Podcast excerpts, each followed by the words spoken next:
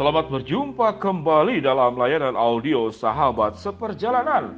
Hari ini adalah hari Senin 19 Juli 2021. Tema renungan dan saat teduh kita dengan judul Peluang dan Daya Juang. Peluang dan Daya Juang. Firman Tuhan terambil dalam Amsal pasal yang ke-30 ayat yang ke-24 sampai dengan ke-28. Demikian bunyi firman Allah ada empat binatang terkecil di bumi, tetapi yang sangat cekatan. Semut, bangsa yang tidak kuat, menyediakan makanan di musim panas. Pelanduk, bangsa yang lemah, tetapi membuat rumah di bukit batu. Belalang yang tidak memiliki raja, namun berbaris teratur. Berbaris teratur. Cicak yang tidak dapat kau tangkap dengan tangan, namun ada di istana-istana raja. Mari kita berdoa. Bapa yang di dalam sorga, selain berkat Allah, selain penyertaan Allah, selain kekuatan Allah, selain pertolongan Allah, selain penyertaan Allah, kami punya tanggung jawab untuk berjuang di dalam hidup ini dan memiliki daya juang sebagai bagian daripada tanggung jawab hidup kami sebagai anak-anakmu. Di dalam nama Tuhan Yesus kami berdoa. Amin. Shalom sahabat seperjalanan yang dikasih Tuhan, peluang dan daya juang ada dua ekstrim anak Tuhan. Yang pertama terlalu mengandalkan diri sampai melupakan Tuhan. Yang kedua terlalu mengandalkan Tuhan sampai lupa melakukan tanggung jawabnya. Keseimbangan daripada kedua hal ini adalah bagian yang sangat indah dan benar sesuai dengan kebenaran firman Allah. Jangan masuk kepada ekstrim satu ataupun ekstrim yang kedua, ekstrim kiri ataupun ekstrim kanan. Yang ekstrim kiri adalah yang mengandalkan Tuhan sampai kemudian dia malas berjuang. Yang ekstrim yang kanan adalah terlalu mengandalkan diri sampai meragukan Tuhan dan tidak melibatkan Tuhan di dalam kehidupan ini. Firman Tuhan mengajarkan kepada kita hidup di dalam keseimbangan. Kita kerjakan bagian kita, lalu Tuhan akan mengerjakan bagiannya. Sahabat perjalanan yang dikasih Tuhan, Tuhan tidak menyukai pemalas, tapi Tuhan juga tidak menyukai orang yang terlalu mengandalkan diri sampai kemudian melupakan Tuhan. Pelajaran yang sangat luar biasa. Alkitab mencatat ada empat binatang yang dikatakan terkecil di bumi tetapi sangat sekatan. Semut yang tidak kuat menyediakan makanan di musim panas. Pelanduk yang lemah namun bisa membuat rumah di bukit batu belalang yang tidak punya raja, yang tidak ada yang memerintah, namun bisa berbaris teratur, cicak yang kau bisa tangkap dengan tangan, namun ada di istana-istana raja. Luar biasa bagian firman Allah ini. Kalau berbicara tentang binatang seakan-akan ini adalah pelajaran hanya untuk anak-anak. Betul, untuk anak-anak secara usia itu lebih cocok dengan cerita-cerita binatang. Namun kita pun adalah anak-anak yaitu anak-anak Allah yang terus bertumbuh secara dewasa. Karena pengertian anak-anak tidak hanya masalah usia. Sewaktu sahabat seperjalanan bertambah umur 40 tahun, 50 tahun, 60 tahun, itu tidak identik langsung Anda menjadi orang yang memiliki kedewasaan secara karakter, kedewasaan secara spiritual, kedewasaan secara rohani. Tidak seperti demikian. Tuhan meminta mengerjakan bagian kita di dalam banyak catatan Alkitab. Seperti Paulus melakukan perjalanan misi penginjilan tiga kali. Itu adalah bagian daripada Paulus mengerjakan bagiannya. Apakah Tuhan tidak bisa melakukan penginjilan serempak dengan kuasanya, lalu semua orang menjadi percaya sangat bisa? Namun mengapa Tuhan meminta kita mengerjakan bagian-bagian dari hidup kita, baik di dalam dunia pelayanan, baik di dalam tanggung jawab kita di dalam keluarga, baik juga tanggung jawab kita secara pribadi. Karena itulah yang disebut dengan kita harus punya daya juang. Allah bisa memberikan peluang selebar-lebarnya secara gratis. Namun Allah juga memberikan peluang tatkala Anda bekerja.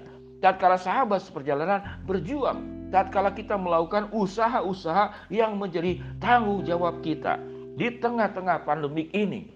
Kita meminta berkat Allah, kita meminta penyertaan Allah, kita meminta kebaikan Allah, kita meminta katakanlah semua yang baik daripada Allah.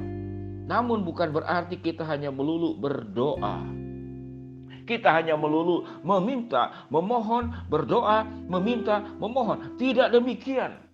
Allah memerintahkan kita bekerja. Semut bekerja menyediakan makanan di musim panas. Pelanduk bekerja untuk punya rumah yang aman. Dia membuat rumah di bukit batu. Belalang mengikuti aturan dalam kehidupan. Dia berbaris teratur sekalipun tidak ada rajanya.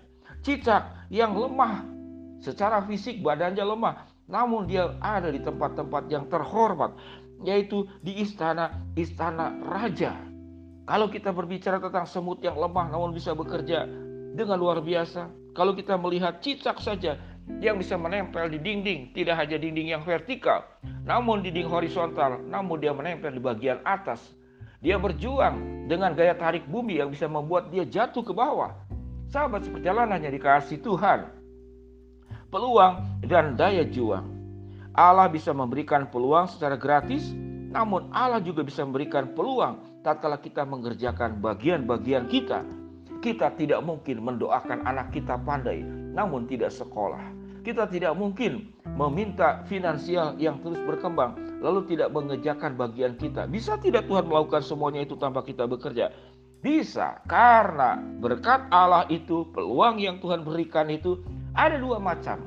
Yaitu peluang yang gratis tanpa usaha kita Tuhan bisa berikan, namun ada peluang yang karena kita mengerjakan bagian kita secara maksimal. Sahabat seperjalanan yang dikasih Tuhan, saya bukan dari keluarga mampu. Tatkala kemudian orang tua itu jatuh di dalam ekonomi, ayah saya memanggil saya dengan panggilan nama kecil Payun namanya. Taiwan, kamu selesai SMP? Iya, Pak. Dan kamu akan masuk SMA? Betul, Pak. Kamu berhenti sekolah karena Papa tidak sanggup melanjutkan kamu ke sekolah menengah atas. Apa yang dilakukan oleh saya pada saat itu? Saya menangis. Apa jadinya kalau saya putus sekolah hanya di SMA tidak bisa melanjutkan?